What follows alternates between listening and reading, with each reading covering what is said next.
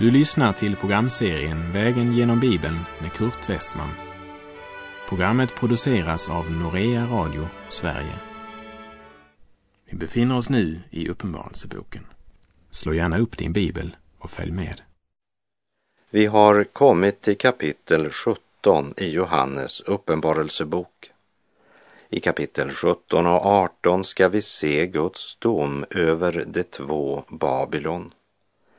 Vi ska först se det Babylon som är den avfallna kyrkan i kapitel 17. Och sedan ska vi inte bara se det religiösa Babylon men också det kommersiella Babylon i kapitel 18. Och under vandringen genom Uppenbarelseboken så måste vi om och om igen påminna varandra vad det är för typ av bok vi nu läser eftersom den egentligen inte liknar någon annan litteratur. Vi har till exempel ingenting i Nya testamentet vi kan jämföra med. Och vi ska därför inte förirra oss in i för många detaljer eller spekulera för mycket över alla olika kriser, olyckor och svårigheter som beskrivs. För då är det lätt att förlora huvudbudskapet som är Gud och Lammet och Guds församlingssituation i vår tidsålders avslutning. Många seriösa bibeltolkare har högst skiftande meningar om många olika detaljer i Uppenbarelseboken. Och så länge som vi vandrar på den här sidan graven så kommer det att vara så. Inför det sjuttonde och artonde kapitlet så kan vi inte undgå frågorna. Talas det om två Babylon? Ligger de på två olika geografiska platser? Representerar de två system? Handlar det om två städer i bokstavlig bemärkelse? Eller är det två beskrivningar av samma stad? Jag vill inte ge mig ut för att ha det fullständiga svaret på de frågorna. Men svaren kommer nog att bli mer och mer uppenbara ju mer det närmar sig vår förlossning. Men så långt jag idag kan se och förstå är det två åtskilda saker det talas om i kapitel 17 och 18. Och här i kapitel 17 uppenbarar Gud hemligheten om denna antikristliga andemakt som vi redan mött några gånger under namnet Babylon. Antikrist framställs alltså här under bilden av sitt rike Babylon. Och i sin syn får Johannes nu se helt fram till den dag då Gud fäller sin rättfärdiga dom över all orättfärdighet. Trons folk på Johannes tid, de var väl kända med det namnet. Första gången vi hör om Babel, det är i Första Moseboks elfte kapitel. Babels tornet byggs av ett folk som har som mål att skapa sig ett namn. Babelstornet står som en symbol för människans trots mot Gud. Människan som trotsar Gud och upphöjer sig själv. Vi läser Uppenbarelseboken 17, vers 1. Och en av de sju änglarna med de sju skålarna kom och talade till mig och sade Kom, jag ska visa dig domen över den stora skökan som tronar på många vatten. Skökan är den fruktansvärda kontrasten till bruden. Bruden blev buren av Herren på örnevingar. Babel bäres av draken. Bruden lever i fattigdom Babel överflödar av jordisk rikedom. Skökan var prydd med all den jordiska härlighet som denna värld kan erbjuda.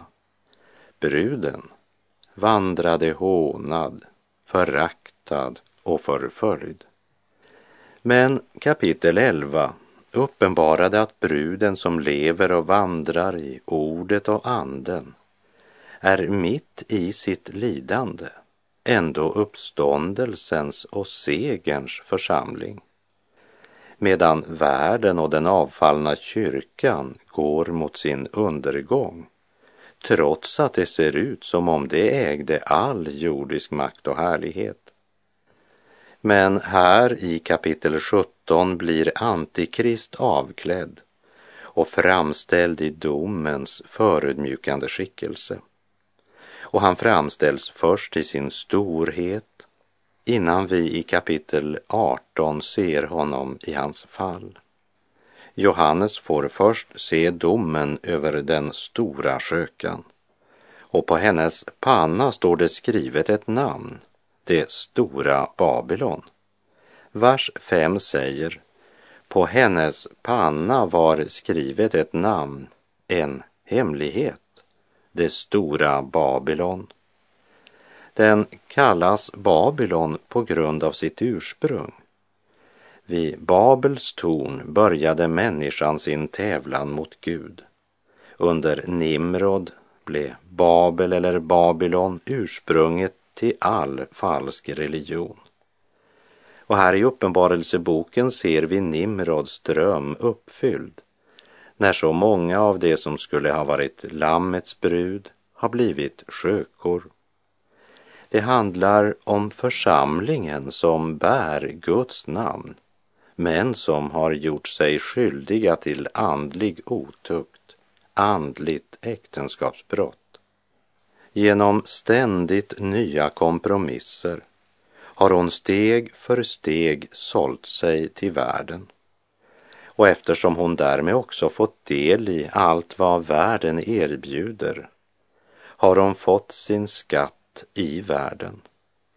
Man har namnet om sig att leva men ska till sist mötas av orden Jag har aldrig känt er.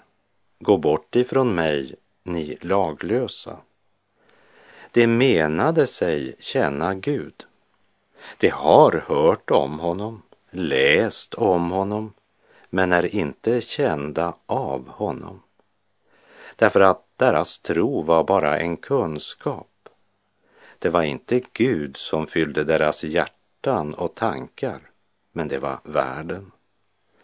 Deras hjärtan är långt borta från honom. De känner Guds väg, men vandrar inte på den. De känner hans vilja, men lyder den inte. De känner hans rättfärdighet, men gör ändå det som är orätt. De bekänner sig till Gud, men älskar världen och trivs bra bland Guds fiender. Det passar lika bra i alla sammanhang. De menar om sig själva att de är diplomatiska och visa, medan Gud kallar det för andligt äktenskapsbrott. Skökan som vinner en stor lön, men det är en lön som förgår. Som jag tidigare sa, skökan står som en fruktansvärd kontrast till bruden. Det är varandras motsatser. Lammets brud och världens brud skökan.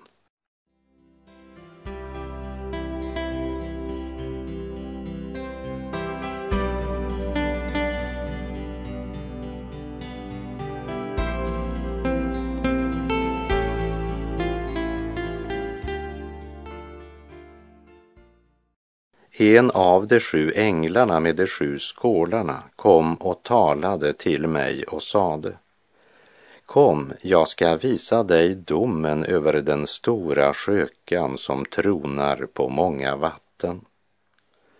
Skökan som tronar på många vatten. I vers 15 säger Herren, vattnen som du såg, där skökan tronar, det är folk och människomassor och folkslag och språk. Skökan tronar alltså över många folkslag och språk. Men innan Johannes får se staden omtalar Herren staden med ett namn som avslöjar stadens väsen. Den är en sköka, en hora. Man finner nästan inte ord att beskriva det som sägs här. Den avfallna kyrkan, den avfallna församlingen som blivit ett med tidsandan och världen. Det är saltet som har förlorat sin sälta. I Matteus 5, vers 13 säger Jesus Ni är jordens salt. Men om saltet förlorar sin sälta, hur ska man då göra det salt igen?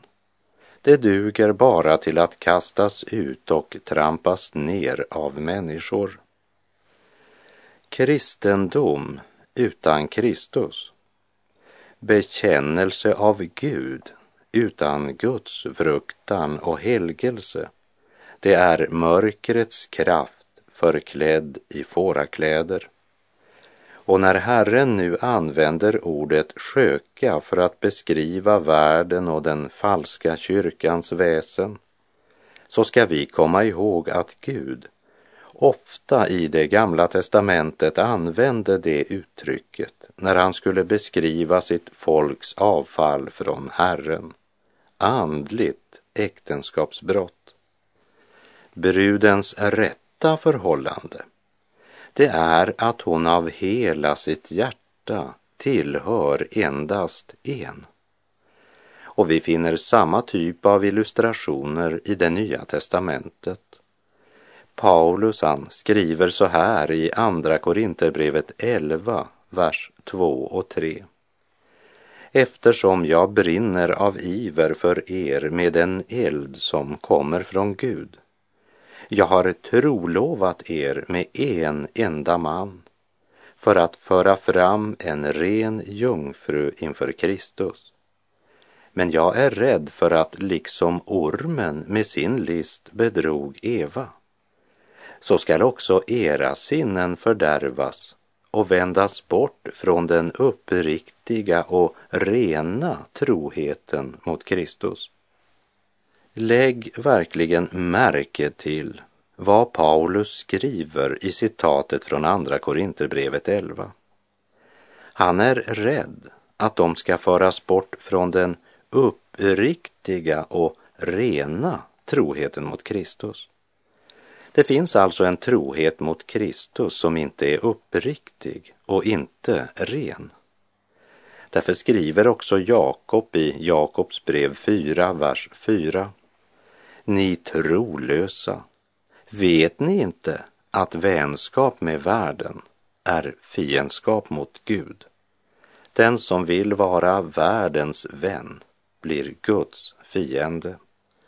Och i Jakobs brev 4, vers 7 och 8. Underordna er därför Gud Stå emot djävulen så skall han fly bort från er. Närma er Gud så skall han närma sig er. Gör era händer rena, ni syndare, och rena era hjärtan, ni tvehågsna. Min vän, underordna dig Gud. Gud klappar på din hjärtedörr. Längre än dit kommer han inte. Han bryter sig inte in. Det kan bara ske på ett sätt.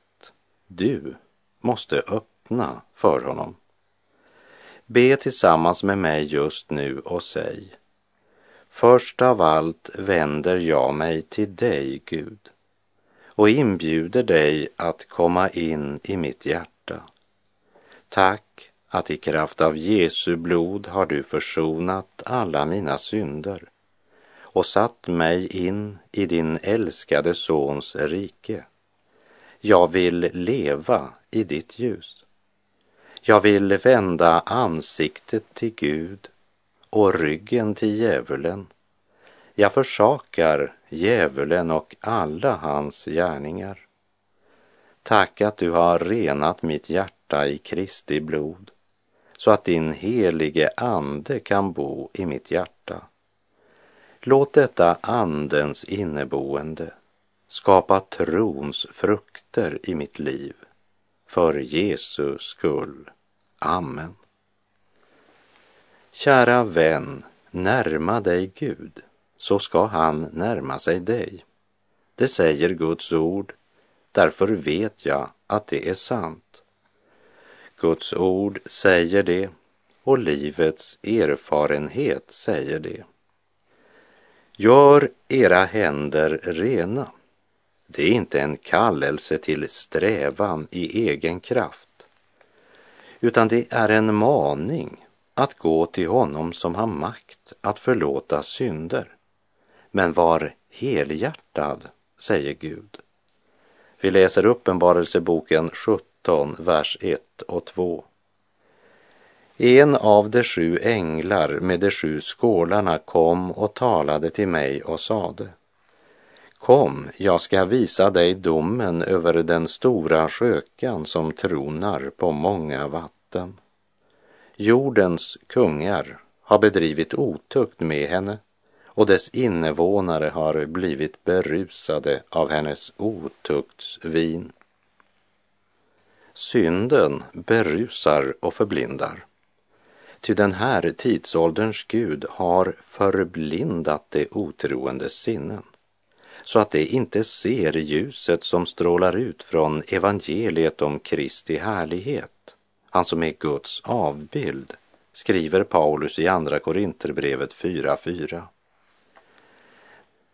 Den som väljer att leva i synd blir berusad och förblindad av synden. Och av vers 2 och vers 5 förstår vi att det handlar inte bara om ett folk som tar del av detta falska evangelium, men det handlar om en kristenhet som föder nya skökor.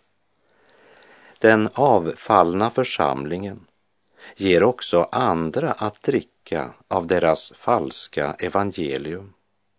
De har lämnat den raka vägen och förts vilse och följt samma väg som Bileam, Beors son, som älskade den lön han skulle få för sin orättfärdighet, skriver Petrus i sitt andra brev kapitel 2, vers 15.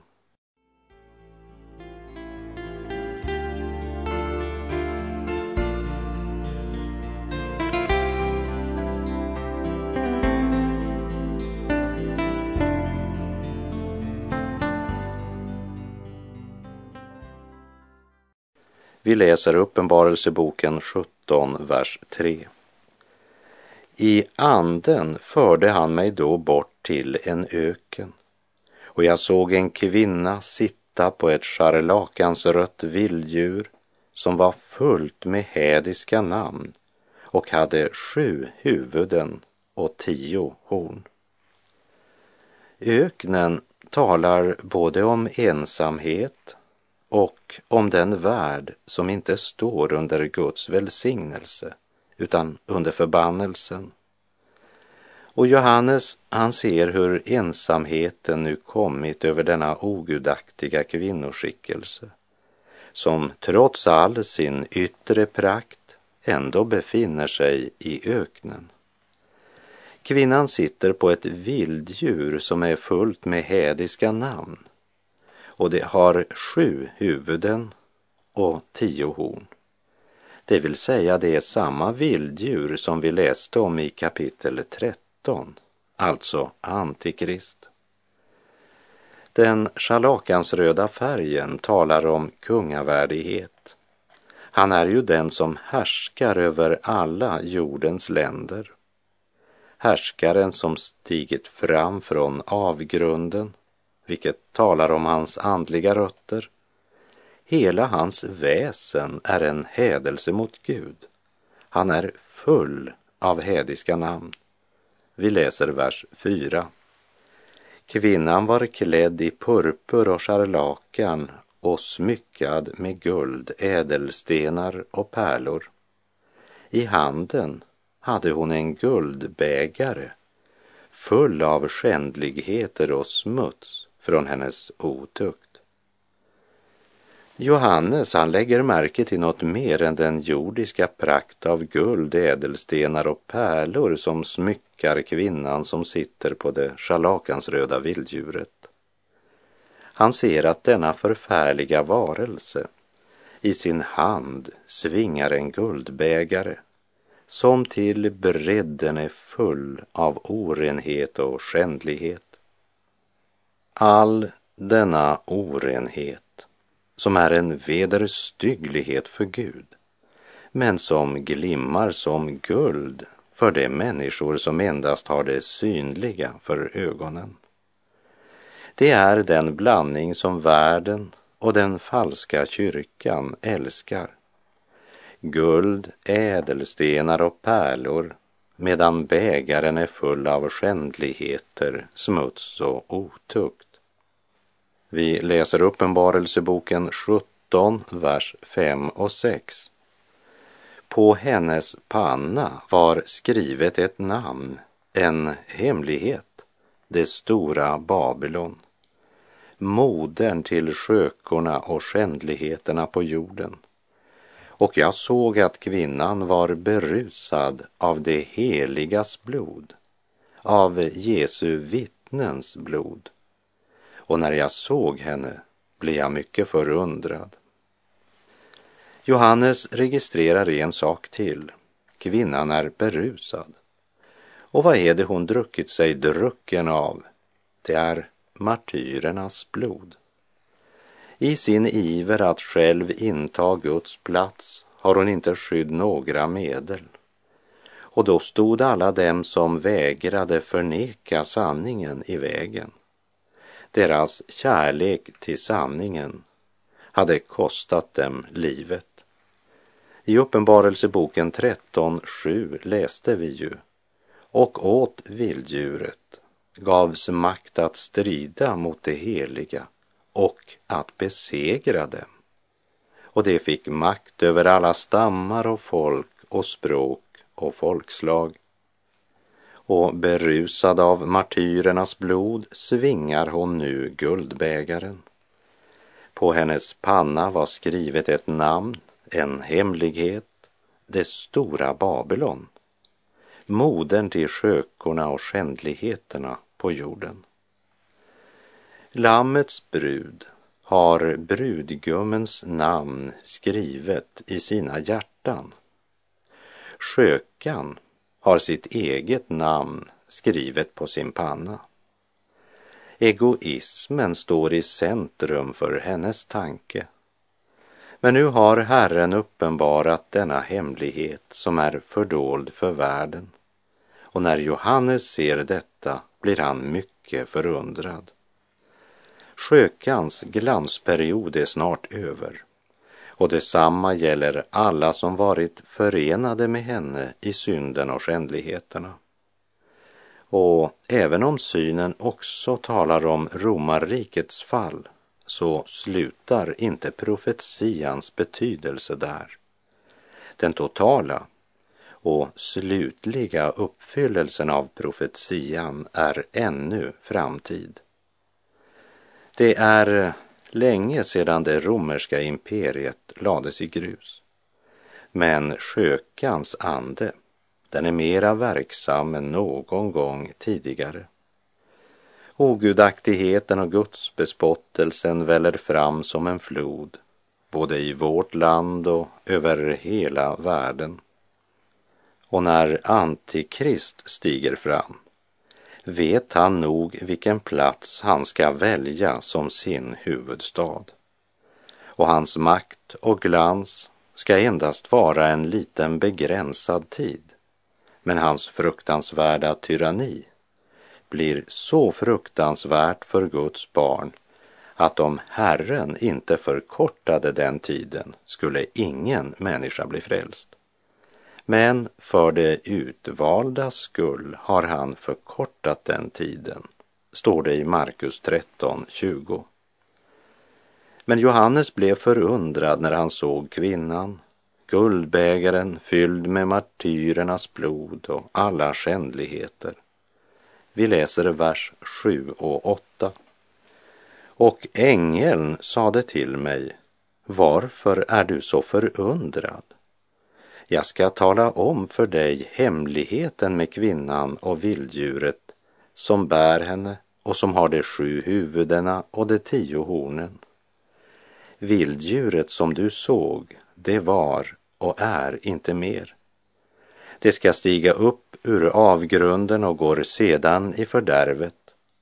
De invånare på jorden som inte har sina namn skrivna i Livets bok från världens grundläggning, det skall förundras när de ser vilddjuret, eftersom det var och inte är, men skall komma.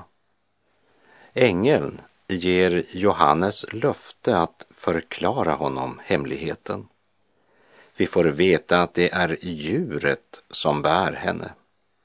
Och vi ska ha klart för oss att här handlar det inte om att stämpla ett eller annat kyrkosamfund som skökan, vilket ju ligger nära till hands för oss som är så upptagna av det yttre medan Gud är upptagen av det inre innehållet, det personliga.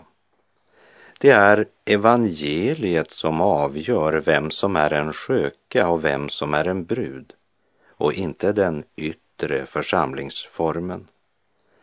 Vilddjuret som du såg, det var och är inte mer.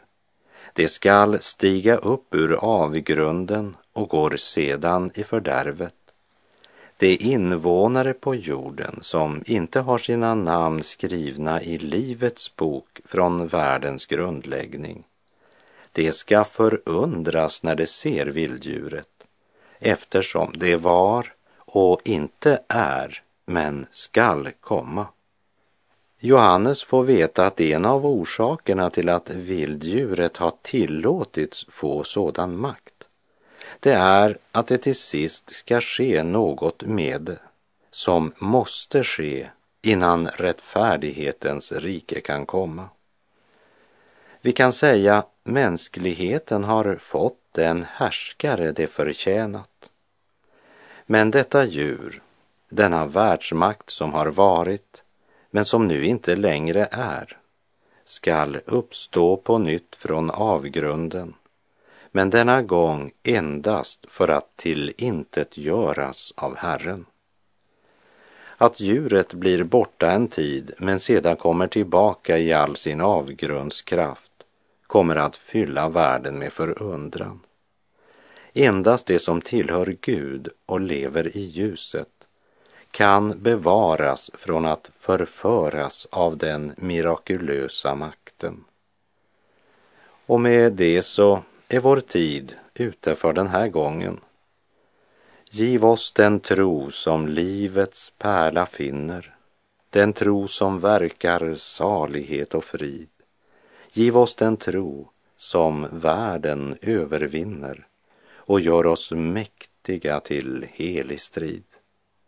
Vad helst du här av sorg och glädje giver, på dig, o Jesus, lär oss alltid tro och om vår stig beströdd med törnen bliver, giv oss i dig dock stilla ljuvlig ro.